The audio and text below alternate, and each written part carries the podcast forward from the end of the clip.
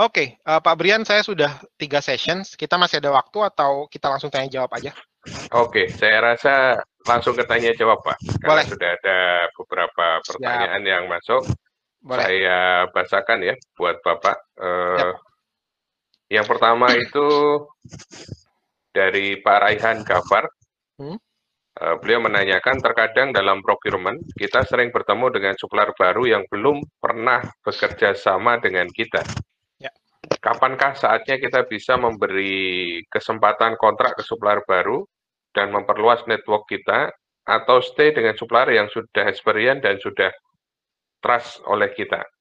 Okay. Silakan, Pak. Ya, terima kasih. Ya ini uh, bukan isu ya, ini pengalaman kita sehari-hari ya ketika kita melihat uh, supplier baru. Nah, pertanyaannya balik lagi, supplier baru itu apakah karena supplier tersebut baru menjadi perusahaan atau supplier tersebut baru karena kita baru tahu bahwa ada supplier tersebut. Ternyata misalnya supplier sudah ada dari lama tapi kita baru tahu. Nah, kalau sifatnya yang pertama, uh, yang kedua dulu deh, misalnya supplier tersebut yang memang karena supplier baru karena kita sebelumnya nggak tahu mereka ada. Nah, kalau saya rasa kita harus objektif ya, kita harus compare dengan supplier existing, bagaimana harganya, misalnya tender proses, apakah mereka lebih murah, apakah mereka kualitasnya uh, bagus atau lain-lain.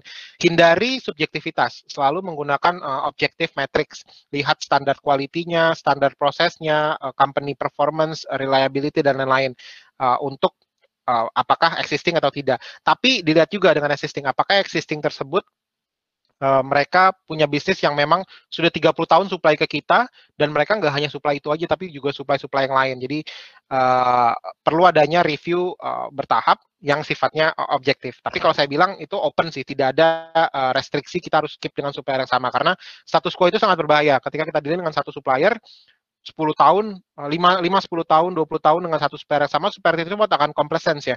Bahasanya ketika uh, mereka akan lupa inovasi, mereka akan tidak excited lagi dengan kita. Cuma sekedar oh ya udah kita sudah review ini review tahunan uh, sama dia dianya dia lagi, account manajernya juga udah uh, nggak pernah diganti 10 tahun terakhir selalu sama, jadinya uh, adanya supplier baru itu sangat penting. Sangat saya, saya kalau jawabannya kita harus terbuka dengan supplier baru. Nah, kalau supplier barunya yang benar-benar karena supplier baru buat baru jadi supplier ya, baru baru punya perusahaan, Nah ini yang perlu ada review next step karena uh, tahap yang perlu direview itu tidak hanya sekedar kita review objektif, tapi ada review subjektif juga. Uh, jawaban simpelnya kita bisa split, seandainya mereka lebih murah, kita bisa coba trial volumes. Misalnya 10% volume kita kasih ke supplier baru tersebut, kita 90% tetap supplier lama. Lalu misalnya ternyata bagus, kita bisa meningkatkan volumes. Dan kalau jelek ya kita bisa mengobsolete. Uh, prinsipnya jangan taruh telur di satu basket ya sama seperti kita investasi saham atau investasi yang lain, kita coba supplier itu makin banyak supplier makin bagus. Seperti itu, Pak. Oke, terima kasih Pak Alatas. Pak ya. Raihan, ada tambahan pertanyaan? Dipersilahkan. Oke, kalau memang tidak ada, saya lanjut ke pertanyaan berikutnya. Cukup banyak pertanyaannya, Pak. Dari Oke, Pak. Ibu Mei Fias kayaknya ya. Di masa pandemi ini untuk melakukan set visit ke supplier untuk verifikasi assessment atau surprise audit tidak memungkinkan. Apakah ada experience solusi lainnya? Apakah ada poin-poin yang harus disesuaikan? Silakan okay. Pak Latas. Ya, uh, site visit betul. Memang saya juga setahun ini hampir tidak pernah site visit karena kondisi COVID. Yang saya lakukan ada beberapa hal. Kalau yang sifat terkait quality kita bisa melakukan remote inspection. Sekarang sangat mudah untuk melakukan video call ya. Jadi kita remote inspection. Yang kedua, uh, kita bisa seperti sekarang uh, Zoom sessions atau uh, Google Meet sessions dengan orang-orang dengan supplier kita, uh, karena review itu kan tidak selamanya kita harus visit ya, walaupun visit itu lebih baik. Nah, selama yang sifatnya non quality, saya rasa itu sangat uh, kita tidak masalah menggunakan uh, online webinar, uh, sorry online session seperti ini. Tapi kalau memang sifatnya quality, kita menggunakan uh, remote inspection atau uh, menggunakan third party. Jadi kita menggunakan third party kita uh, inspection company untuk visit karena misalnya kita dilarang untuk uh, customer visit. Banyak cara lah dan saya rasa supplier pun uh, sudah semakin terbuka dengan kemajuan teknologi dan pasti mereka open untuk uh, teknologi visit. Mungkin yang tidak bisa kita samakan, kita nggak bisa surprise karena udah pasti kita nggak mungkin tiba-tiba telepon supplier dadakan tidak bisa karena kita harus uh, arrange schedule-nya seperti apa dan lain-lain ya. Eh, that's apa kekurangannya dalam kondisi seperti ini sih. Ya, semoga tahun depan sudah nggak sudah normal lagi. Ya, betul. Baik, terima kasih Pak Alatas. Bu Mevias, ya. ada tambahan yang mau didiskusikan dengan Pak Alatas? Silahkan di unmute dulu kalau memang ada pertanyaan. Oke, sepertinya tidak ada. Cukup jelas, Pak. Saya ke pertanyaan berikutnya ke Ibu Ita. Bagaimana cara menyikapi perusahaan yang manajemen orang asing? Misalkan orang Jepang yang terkesan fanatik dengan supplier yang background-nya perusahaan Jepang juga. Padahal okay. secara quality, cost, dan delivery lebih bagus perusahaan lokal. Okay. Bagaimana pendapat Pak Alatas? Oke, okay. uh, saya pernah di perusahaan Jepang ya, saya waktu di Honda dan uh, saya dulu supplier visit banyak ke dan nggak hanya Jepang sih. Memang betul kalau nggak hanya perusahaan Jepang ya dan nggak hanya perusahaan asing orang cenderung bekerja sama dengan sesuatu yang familiar biasanya kita orang Indonesia maunya kerja sama sama orang Indonesia dan lain-lain. Jadi uh, yang saya bisa bilang kita nggak bisa merubah persepsi mereka secara instan dan uh, itu sangat sulit untuk membuat orang apalagi uh, di mata orang Jepang mungkin orang Indonesia itu terkena terkesan ya dalam tanda kutip ya kita itu pemalas atau kita itu uh, tidak tidak disiplin dibandingkan mereka dan lain-lain itu saya saya rasa itu common lah. Yang kita bisa lakukan pertama adalah selalu uh, hindari subjektivitas. Kita nggak bisa maksa mereka berubah untuk oh kita bagus juga kok. Oke, bagusnya berdasarkan apa? Apakah kita bisa uh, menunjukkan bahwa kita bagus? Biasanya yang saya pernah pengalami adalah supplier-supplier yang sangat uh, istilahnya semangat itu. Free trial itu biasanya bisa dipakai itu kita kasih aja uh, beberapa contoh barang nih spare part dari kita. Coba kalian bisa trial saya kasih free 10 pieces untuk kalian uh, cek dengan customer uh, dengan supplier Jepang apakah kualitasnya bagus. Dan kalau ibu bilang ya memang barang kita lebih bagus dengan trial tersebut otomatis dia akan terlihat oh memang bagus. Dan uh, saya pernah di posisi supaya perusahaan Jepang dan kita itu objektif kok at the end walaupun kita punya uh, bos-bos Jepang yang punya stereotip bahwa perusahaan Jepang itu lebih bagus tapi at the end mereka akan melihat angka harganya seperti apa kualitasnya seperti apa prosesnya seperti apa jadi uh, effortnya itu ibu secara dari sisi supplier harus melakukan effort yang lebih free trial uh, visit customer, fast respon, jadi harus memberikan effort yang lebih untuk mendobrak pintu awalnya tadi. Itu yang sulit. Ketika kita sudah masuk pintunya, sudah jadi registered supplier, sudah jadi sudah dapat sedikit kuenya, itu jauh lebih mudah. Itu tinggal uh, make sure uh, konsisten dan uh, sesuai janji itu itu akan secara nggak langsung akan meningkatkan volume. Gitu sih Pak. Ya baik uh, intinya speak by data ya Pak ya untuk betul, meyakinkan betul. manajemen seperti ini ya. Ya dan okay. memang pengorbanan di awalnya itu yang susah Pak untuk buka pintunya itu. Yes, ya yeah, painful ya. Oke okay, Bu Ita ada tambahan pertanyaan atau diskusi dengan Pak Alatas dipersilahkan di unmute dulu. Ada? Oke, okay, saya rasa udah jelas ya. Berikutnya Pak Latas dari Ibu Evi. Pertanyaannya adalah strategi apa yang harus dilakukan untuk merebuild trust of supplier karena ada histori yang membuat mereka menjadi trauma berbisnis dengan company kita di masa lalu. Nah, Oke. Silahkan Pak Latas. Iya, uh, ini juga sering nih saya nih kalau di di di pengalaman saya saya suka isu karena pembayaran yang masalah. Kalau misalnya okay. tim account payable tuh karena mereka di dunia sendiri, kita bayar suppliernya susah, suppliernya kapok, yang capek procurement untuk membuat relationship. Okay. Uh, supplier relationship itu mirip dengan personal relationship ya Pak. Kita uh, dalam tanda kutip sama pasangan gitu. Kalau kita sudah ada isu trust, itu memang susah. Seperti saya bilang tadi, build trust itu sangat lama, menghancurkannya sangat instan. Nah, kalau terjadi seperti itu, balik lagi kita uh, yang bisa kita lakukan, walaupun kita nggak bisa mengharapkan ini pasti berhasil. Pertama, speak by data, otomatis seperti yang saya jelaskan. Yang kedua, uh, understand what was wrong. Jadi apakah dulu isunya misalnya payment atau isunya dulu masalah uh, apa ya? Ada personal kita dari procurement yang fraud gitu, yang yang uh, bribery dan seperti itu, atau misalnya ada personal. Dan kita identifikasi itu kita meng-acknowledge itu bahwa oke okay, kita tahu bahwa payment kita uh, misalnya dulu selalu telat.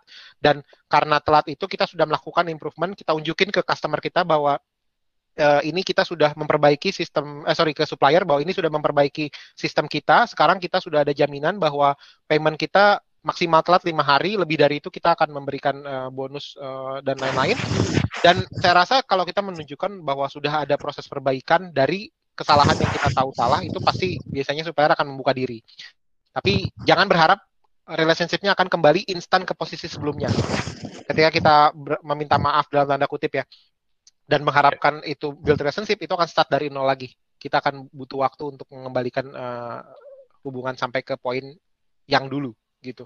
Tapi at the end speak by data dan fokus di uh, acknowledge your previous mistake gitu. Oke, okay, baik.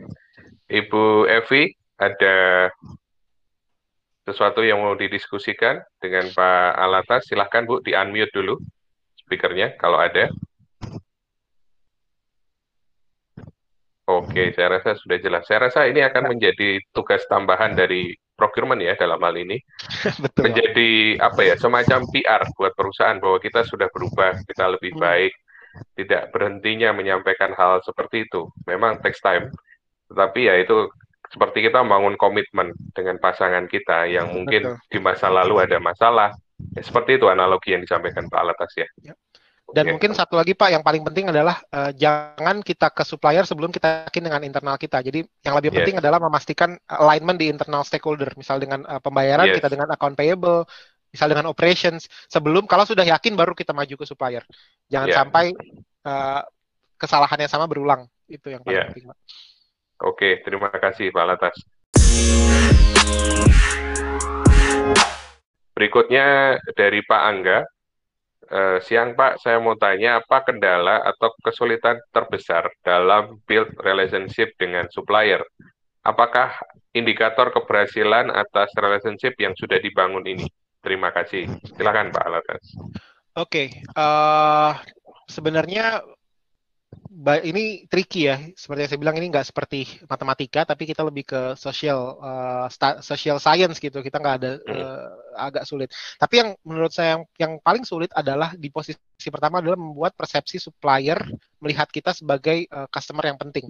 Itu yang yang yang paling sulit karena semua proses uh, tetek bengeknya ya yang kita lakukan setelah itu itu hanya itu berdasarkan berapa customer melihat kita. Dalam tanda kutip, kalau kita deketin orang yang dari awalnya udah nggak suka sama kita, mau kita kasih apa martabak tiap malam dalam tanda kutip, itu nggak akan bisa berubah pemikiran mereka. Tapi kalau mereka melihat kita sudah e, menarik di awal, ya kita apa istilahnya kita kasih gorengan aja sudah sudah sudah sukses gitu. Jadi yang paling susah adalah membuat persepsi uh, awal mereka terhadap kita. Makanya saya bilang, uh, saya memulai presentasi saya dengan menunjukkan bahwa supplier perceptions dan customer perceptions.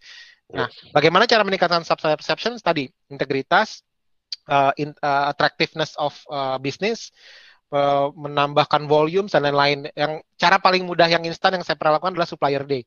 Itu penting sih karena supplier day itu memaksa supplier kita tahu bahwa kita tuh bisnisnya lagi berkembang dan lain-lain. Karena kita nggak mungkin nyuruh supplier kalian buka website dong, lihat itu ada berita bahwa kita baru ekspansi itu nggak mungkin ya Pak. Jadi yeah. cara paling mudah adalah kita membuka diri ke supplier seperti itu Pak. Oke, okay, baik, baik. Oh sorry, satu lagi tadi yang indikasi uh, keberhasilan. Ya, indikatornya, ya, betul. Indikator keberhasilan otomatis uh, at the end KPI supplier tersebut akan baik itu pastinya secara matriks iya. itu akan lebih baik. Yang kedua, uh, mereka juga kita tahu ke kita adalah prioritas buat mereka bisa kelihatan dari seberapa cepat mereka respon email, seberapa cepat respon RFQ dan uh, seberapa excited mereka ketika kita tawarkan tender. Dan uh, at the end ya itu tadi uh, supplier assessment tadi uh, evaluation kita akan melihat kalau supplier tersebut memang berhasil dari sisi SRM. Gitu Pak. Oke, baik. Baik, terima kasih Pak Alatas. Pak Angga, ada yang mau didiskusikan? Silakan di dulu. Cukup Pak. Oke, baik. Terima Makasih, kasih. Berikutnya dari Pak Doni, uh, izin bertanya, poin terpenting apa saja yang menjadi indikator approval supplier list? Maaf, baru bertanya hmm. ulang karena baru ya, join. Ya, ya. Oke, terima kasih. ASL ya, approve supplier list ya. Kalau ya. uh, saya rasa ini yang terkait sama teknikal ya. Saya juga ada ASL di uh, perusahaan hmm. saya. Biasanya ada beberapa hal. Yang pertama, biasanya uh, ASL itu ada yang sifatnya brand. Jadi Uh, kalau kalau perusahaan ini biasanya kita hanya menerima manufacturer dari negara ABC, kita tidak bisa uh, menggunakan awal. Uh, itu internal kita ya. Biasanya kita dengan tim quality, dengan tim uh, operations punya standar seperti itu. Tugas orang procurement adalah make sure ini saya ada di bagian uh, sorry ini uh, nah ini uh, ketika ngomongin ASL bedanya orang procurement sama orang operations itu dua hal. Kalau operations yang penting barangnya paling bagus, kalau procurement barangnya paling murah. Prinsipnya seperti itu kan. Internal uh, discussion kita yang penting adalah bagaimana meyakinkan bahwa sebenarnya uh, misalnya ASL itu menyatakan bahwa kita hanya menerima manufacturer dari Amerika, dari Eropa. Padahal di Cina atau India ada yang lebih bagus. Tugas orang procurement itu adalah meyakinkan ke operations bahwa quality controlnya di Cina dan India sekarang sudah bagus. Karena dengan kita membuka uh, functional specifications, fokus di function bukan di detail. Jadi kalau uh, ASL itu uh, bahasanya adalah uh, jangan fokus sama negaranya. Saya makanya agak agak sedikit kecewa kalau melihat ASL itu based on manufacturer location atau based on uh, supplier name. Itu even worse ya, hanya merek-merek tertentu yang boleh. Uh, yang paling penting itu adalah fungsinya seperti apa dan tugas orang procurement adalah meyakinkan bahwa barang tersebut sudah mencapai fungsi. Jadinya uh, yang kita arahkan adalah seperti ini. Karena bayangkan kalau kita menerima ASL hanya bisa memakai merek Siemens misalnya gitu. Mhm. Bagaimana kita menego dengan satu brand kan nggak mungkin ya. Dan yeah. mereka pun tahu bahwa ASL-nya hanya merek mereka nggak mungkin. Tapi ketika kita membuka ASL-nya ke yang lebih lebar, kita bisa negosiasi ke banyak hal, otomatis hmm. harganya pun lebih baik. Seperti itu sih Pak. Oke, baik. Uh, Pak Doni, ada pertanyaan? Sudah cukup jelas? Cukup, Pak. Terima kasih, Pak. Terima kasih. Pak. Terima kasih, Pak Doni. Siap. Uh, berikutnya dari Bu Winda. Uh, saya mau bertanya untuk strategic supplier dan hmm. supply aktif untuk kebutuhan asesmen hmm. atau evaluasi secara periodik dilakukan. Monser bagaimana assessment dan maintain relationship dengan supplier yang tidak aktif supply untuk kebutuhan kita. Oke. Silakan, Pak Alatas. Uh, mungkin saya jawab yang pertanyaan kedua dulu ya. Kalau memang dia tidak aktif supply, ya at the end memang kita tidak perlu terlalu banyak effort untuk SRM ya. Biasanya uh, kita hanya maintain uh, standar seperti NDA-nya diupdate berkala, Uh, lalu uh, kalau ada MSA kontrak ya atau itu berkala. Tapi kalau memang dia jarang supply, tidak perlu terlalu effort yang banyak ya untuk relationship itu prinsipnya. Uh, seperti yang saya bilang di awal bahwa fokus kita itu di strategik atau di leverage untuk uh, eh, SRM. Kita tidak perlu, eh sorry, strategik atau kritikal. Karena kita tidak perlu punya SRM yang sangat detail dengan uh, office supply, katakanlah seperti itu. Atau yang cuma merchandise, itu tidak mungkin. Jadi, uh, fokus on the big part and the critical part. Itu yang pertama. Lalu, uh, tadi pertanyaan pertamanya apa Pak? Saya jadi lupa. uh, untuk strategic supplier dan hmm. supply aktif untuk okay. kebutuhan assessment. Oke, okay. jadi kalau untuk yang uh, strategic supplier seperti uh, tidak ada uh, ininya ya, tidak ada satu jawaban yang bisa dipakai untuk semua hal. Saya uh, ber, pernah di mining, pernah di otomotif dan pernah di oil and gas itu sangat-sangat berbeda. Jadi kita harus fleksibel dan uh, biasanya kita bisa coba dulu dengan satu hal, lalu kita bisa uh, rubah dan berkala. Uh, prinsipnya Eh, review itu dilakukan dari seberapa kritikal dan seberapa importantnya. Paling bagus itu otomatis review dilakukan berkala tiap bulan. Tapi kan uh, secara resource tidak mungkin ya. Jadi kita harus uh, dengan kategori tadi kita mengkategorikan apakah supplier ini yang misalnya supplier yang paling penting nomor satu dari sisi spend kita bisa satu bulan tapi supplier yang katakanlah nomor 10 dari sisi spend kita cukup enam bulanan sekali atau 12 bulanan sekali kita bisa mengkategorikan mengkategorisasikan dari spend levelnya atau criticality-nya dan okay. asesmennya itu bisa kita review. Misalnya, oke okay, ternyata tiga bulanan tuh kurang gitu, atau tiga bulanan ternyata nggak terlalu banyak kok yang kita lihat uh, update-nya ya udah kita rubah jadi enam bulanan. Atau oh ternyata cukup self assessment karena ternyata memang suppliernya nggak ada isu dan seperti itu sih. Jadi uh, try to find the best way. Saya nggak bisa ngasih jawaban uh, karena setiap posisi itu pasti berbeda. Oke okay, gitu, baik Kemudian berikutnya Pak Anggian Syah. Salah satu role di perusahaan untuk supplier baru harus melakukan registrasi. Hmm. Namun ada salah satu supplier yang kita butuhkan service atau goods-nya dan mereka tidak mau repot untuk registrasi hmm. vendor. Ingin ya. langsung transaksi. Bagaimana ya. cara kita meyakinkan supplier seperti ini untuk melakukan registrasi di perusahaan kita? Silakan, okay. Pak Alatas. Ya, itu uh, balik ke matrix ini ya Pak. Biasanya supaya seperti itu yang karena melihat kita nuisance. Mereka hanya melihat kita supply, uh, customer baru dengar namanya, lalu -huh. juga supplier tersebut belinya juga barang yang kecil, dan -huh. ya belinya juga jarang-jarang gitu. Ketika kita belinya jarang-jarang tersebut, ya kita nggak bisa nuntut supplier untuk uh, mengikuti apa yang kita mau kan, otomatis. Nah, -huh. dua hal yang bisa kita lakukan. Yang pertama adalah meningkatkan posisi kita di mata supplier, atau ya kita cari supplier lain. Yeah. Yang uh, mungkin yang kedua itu lebih mudah karena uh, kalau ada supplier lain. Tapi kalau di kondisinya kita beli supplier tersebut hanya single source, ya otomatis kita harus meningkatkan posisi mereka ke atas. Mm-hmm. Gimana caranya? Kita tunjukin bahwa kita akan beli barang ini repetitif, katakanlah. Atau kita nggak hanya beli barang ini loh, misalnya mereka punya portofolio lain, kita mau beli barang yang lain juga kok. Atau nunjukin bahwa, oh kita payment termnya ini bagus nih, cuma 14 hari Nah, itu. Jadi yang bisa yang bisa saya kasih tips itu either kita meningkatkan posisi kita di mata supplier atau cari supplier lain. Karena saya pengalaman juga hampir tiap tiap minggu ya hal seperti itu. Uh, dan cara paling gampang cari supplier lain atau pakai third party untuk bayarin untuk membayar yeah. karena onboard supplier itu di perusahaan internasional terutama sangat sulit. Iya. Yeah. Begitu, Pak. Oke, okay. baik. Pak Anggi, ada tambahan Pak Anggi? Silahkan. Uh, tidak ada, makasih Pak Alatas. Pak Anggi, terima ya. kasih Pak. Infonya. Ya, sama-sama Pak Anggi. Kemudian berikutnya uh, Bapak atau Ibu ini, Ibu sepertinya, Ibu Virgo, hubungan procurement dengan supplier dari segi komunikasi sudah baik. Hmm. Namun karena dari internal perusahaan kita membuat hubungan supplier dengan procurement jadi terkendala. Hmm. Semisal dari finance yang bayarnya terlambat atau dari user yang mengeluarkan surat menunjukkan pemenang terlambat hmm. dan bagian legal mengeluarkan surat perjanjian yang terlambat. Hmm. Bagaimana kita harus menangani case seperti ini agar supplier mengerti hal ini dan tidak trauma untuk bekerja sama dengan kita. Silakan, okay. Pak. Ya, uh, saya bisa jawab dari dua hal ya, dari sisi internal dan dari sisi supplier. Dari sisi supplier, uh, saya bisa menggunakan yang tadi ini nih uh, supplier evaluation form. Jadi supplier itu bisa menilai kita uh, dari sini. Di sini kelihatan nih apakah paymentnya suka telat, apakah ternyata paperworknya itu ribet dan lain-lain. Nah, ini bisa kita gunakan untuk internal FDN. Uh, karena uh, saya ya kita sebagai procurement tahu sendiri ya seberapa kita itu PR di di perusahaan ke supplier, tapi internal kita ya dalam tanda kutip bodoh amat ya udah yang penting kita uh, beres gitu bayar sesuai invoice posting date bukan sesuai invoice uh, document date dan lain-lain. Yang kita bisa menggunakan uh, feedback ini kita bisa sampaikan ke manajemen menunjukkan bahwa misalnya isu paling besar kita adalah di payment. Misalnya finance kita terus sana semua nih. Karena kalau kita sendiri sebagai procurement bilang, uh, hey finance benerin dong paymentnya, itu ya mereka akan ya pakai headset aja udah nggak mau dengerin. Tapi kalau kita nunjukkan ke manajemen bahwa ini feedback dari supplier kita bahwa jelas-jelas bisnis kita itu sangat tidak menarik karena paymentnya buruk, otomatis manajemen akan uh, meningkatkan uh, proses uh, account payable-nya seperti itu. Jadi uh, fungsinya ada matrix atau penilaian yang tertulis atau ada ter, ter, ternilai ya. Karena dari sini ketahuan kelemahan kita di mana dan ini bisa digunakan ke internal review.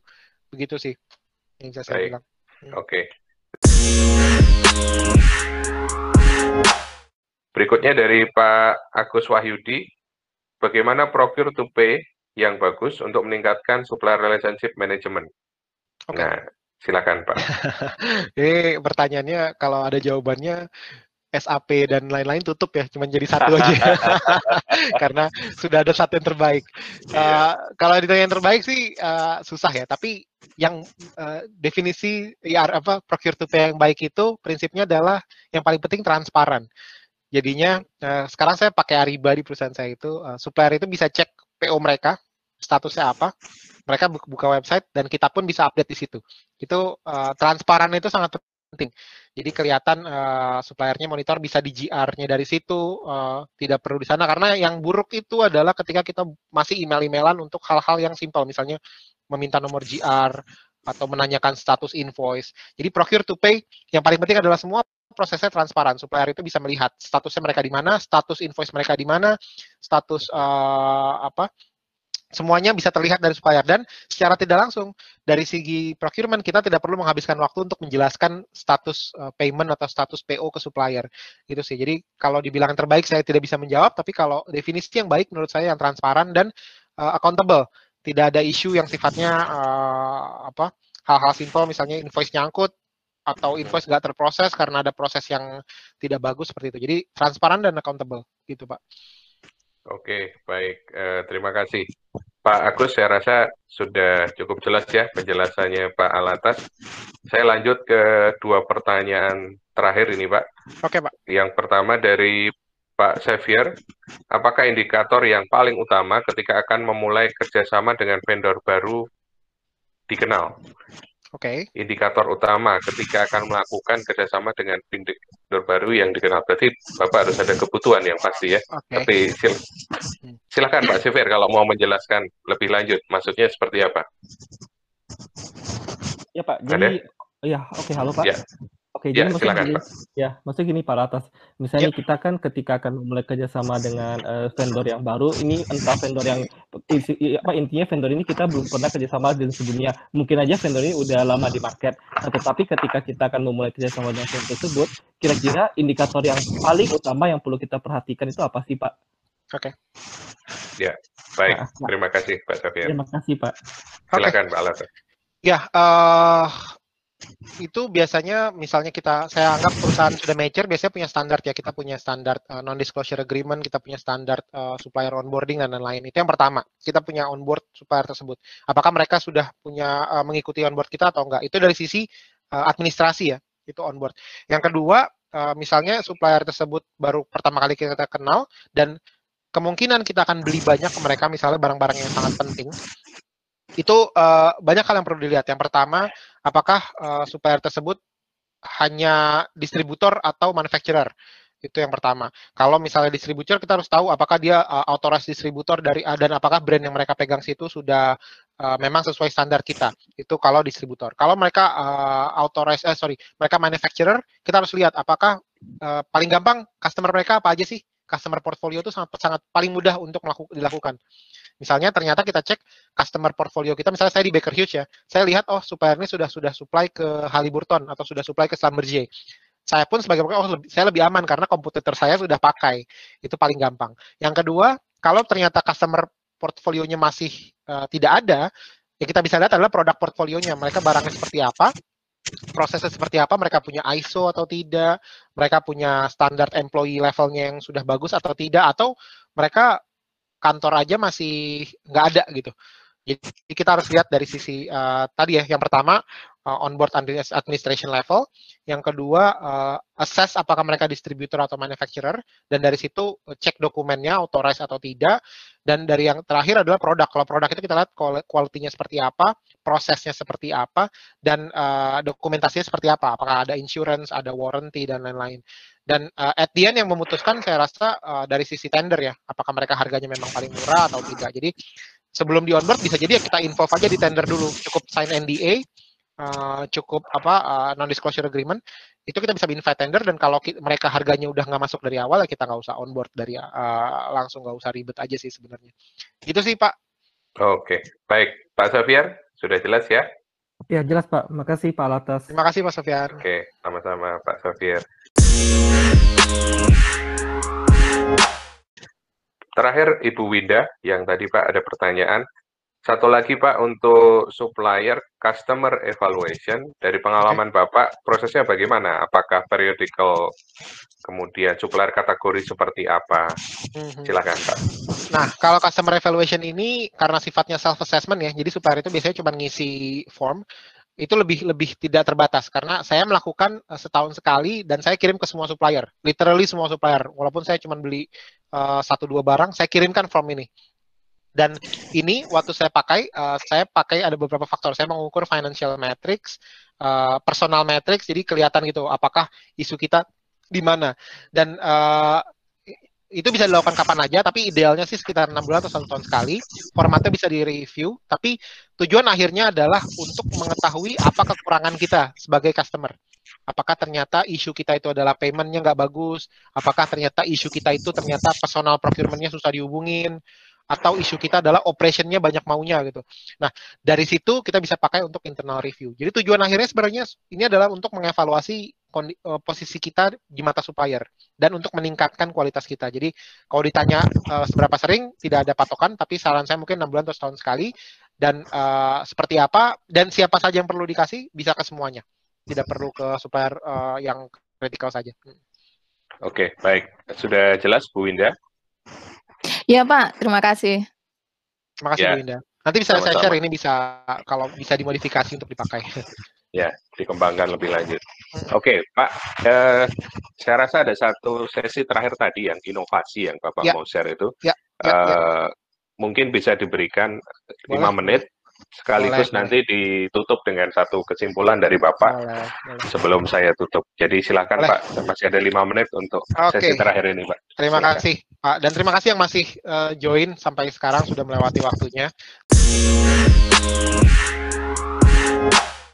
Uh, saya coba kilat sedikit ya, ini inovasi dari supplier, ini contohnya Airbus A380 pesawat, dan uh, aktualnya dalam pembuatan pesawat ini tidak dilakukan tidak dilakukan di satu tempat, tapi uh, dilakukan di berbagai negara di Eropa dan berbagai company. Dan tiap company mendevelop barangnya masing-masing. Jadi kalau dilihat nanti Rolls-Royce mengembangkan engine, Safran mengembangkan uh, braking controls dan lain-lain. Dan uh, Airbus itu tidak detail mengontrol inovasinya. Jadinya mereka meminta suppliernya melakukan inovasi dan Airbus hanya mengapprove. Jadi karena tidak mungkin kita bisa merekrut semua spesialis uh, orang pintar di semua hal, itu pasti mahal sekali, lebih mudah kita menyuruh supaya kita untuk melakukan itu.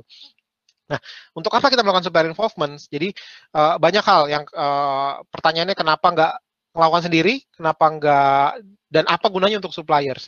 Dan ini yang saya bilang tadi, uh, innovation itu akan terbuka ketika kita bisa fokus ke functional specifications, yang biasanya bahasa procurement RFP ya, bukan RFQ. Kalau RFQ itu speknya sudah jelas supplier nggak bisa apa-apa, mereka hanya bisa ngasih harga. Tapi kalau RFP, request for proposal, mereka bisa uh, modifikasi speknya sesuai dengan uh, proposal yang kita mau. Nah, ketika kita melakukan RFP, otomatis kita membuka poin inovasi yang sebelumnya kita tidak tahu dari sisi supplier. Dan uh, ini dua hal, uh, close innovation atau open innovation. Prinsipnya adalah close innovation adalah kita ketika kita melakukan sesu, semua hal sendiri, kita inovasi sendiri. Open innovation adalah kita membuat supplier kita berinovasi untuk kita. Jadi uh, both way.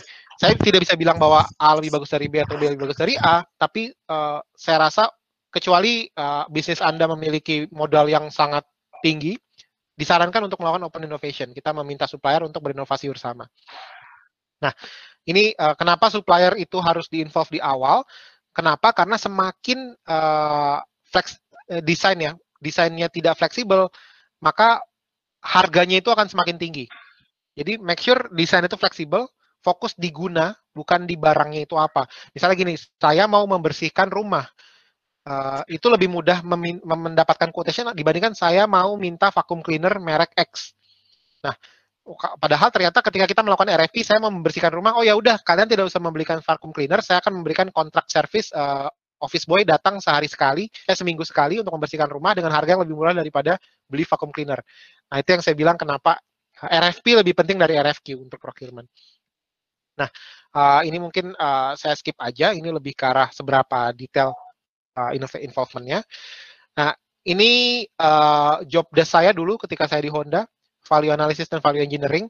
Biasanya kita uh, menganalisa uh, spare part motor waktu itu saya ngecek apakah penting kalau bapak-bapak ibu-ibu punya motor Honda tahu ada apa namanya pegangan belakang yang kalau kita mau mindahin parkiran paralel ya kalau motor itu waktu saya join kita pakai steel. Tapi waktu itu tim saya kita analisa eh, bagaimana steel itu sebenarnya terlalu mahal dan sepertinya kita bisa mengganti dengan aluminium dengan fungsi yang sama. Makanya kalau lihat motor lama belakangnya itu kayak pipa besi, tapi motor baru sekarang udah aluminium dan bahkan plastik ya. Jadi itulah pentingnya. Kadang-kadang kita dengan fungsi yang sama kita bisa dengan harga lebih murah ketika kita mereview barang tersebut. Jadi selalu open minded, jangan terpaku dengan spesifikasi. Ketika operation memberikan spesifikasi, tanya kenapa harus itu? Bisa nggak kita pakai yang ini saja? Uh, hal simpel lagi yang saya rasa bahwa bapak ibu sering kalau menerima ada operations minta barang SS316 stainless steel ya, pipa SS316. Uh, terus kita tanya supply, kita tanya operations, kenapa SS316? Uh, mereka akan bilang oh enggak karena kita biasa pakai itu. Ternyata setelah dicek kita nggak perlu SS316 karena area yang kita pakai nggak korosif, kita hanya pakai uh, misalnya SS304, harganya setengahnya. Jadi sebagai procurement tanggung jawab kita adalah menanyakan ke internal apakah betul itu yang kita perlukan dan kenapa itu. Jadi the reasons why we buy things itu sangat penting dibandingkan kita mencari diskon ke supplier kalau speknya sudah fix itu sangat-sangat sulit. Nah, oke, okay, uh, summary dari topik kita kali ini. Uh, pertama, find the best partner dan grow grow together. Jadi pastikan Anda menemukan partner yang sama-sama yang penting, menganggap Anda penting dan Anda menganggap dia penting dan berkembang bersama. Itu sangat penting ya.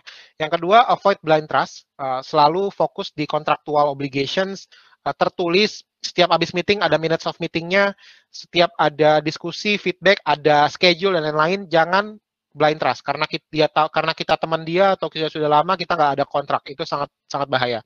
Yang ketiga, always measure your partnership. KPI review, service level agreement, uh, kontrak KPI standar selalu di measure. Jangan pernah berdasarkan feeling atau subjektif. Keempat, feedback itu sangat penting, baik itu positif atau negatif. Positif bisa dalam award atau dalam surat terima kasih, hal-hal seperti itu. Negatif uh, bisa dalam uh, corrective action request atau paling parahnya adalah kita penalti pengurangan invoice, uh, jadi pemotongan harga dan lain-lain. Itu sangat penting karena itu menunjukkan bahwa supplier tersebut harus meningkatkan atau supplier tersebut sudah mendapatkan apresiasi dengan uh, service yang tersebut. Dan yang terakhir adalah supplier itu adalah biggest source of innovations hampir saya bisa bilang ini valid karena kecuali kalian merekrut ada karyawan sekitar 100 ribu di internal company, kita butuh bantuan supplier untuk melakukan inovasi. Uh, balik lagi karena uh, supplier itu mengerjakan hal mereka terus-terusan dan kita mengerjakan hal kita, otomatis supplier itu lebih tahu terhadap hal yang mereka provide. Jadi selalu open minded terhadap supplier. Kalau ada supplier menawarkan uh, jenis barang baru yang kita baru pernah dengar, jangan langsung ditolak, didengarkan dulu dianalisa dengan uh, operations dan terkadang itu justru akan memberikan potensi cost savings yang paling tinggi dibandingkan ketika kita hanya fokus di negosiasi diskon. Gitu Pak Brian dan rekan-rekan uh, tema kali ini. Oke, terima kasih Pak Alatas eh, atas eh, sesi presentasi dan tanya jawab yang sangat menarik buat rekan-rekan IPS. Masih ada beberapa pertanyaan sebenarnya. Ya. Cuma nanti saya akan bantu Japri ke Pak Alatas ya. Boleh, karena boleh, keterbatasan waktu yang ada. Oke, Pak. Ya, terima kasih Pak Alatas sekali lagi untuk kesempatannya menjadi pembicara di webinar IPS kali ini. Oke. Dan saya juga mengucapkan terima kasih kepada Bapak Ibu sekalian peserta webinar kali ini.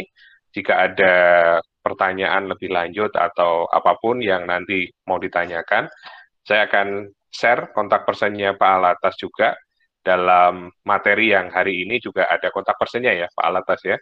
Ya bisa nanti, Pak. Nanti bisa Bapak Ibu bisa email atau WhatsApp tergantung kontak person yang disediakan oleh Pak Alatas.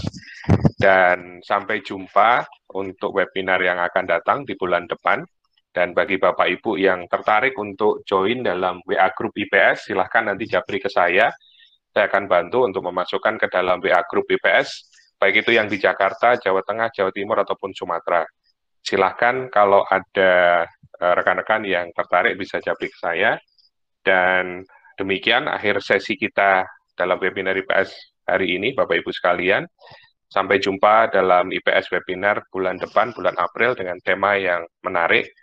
Dan tetap jaga kesehatan, protokol kesehatan, dan tetap jaga kesehatan tentunya. Eh, sampai jumpa dalam webinar IPS selanjutnya. Terima kasih dan tetap jaga kesehatan.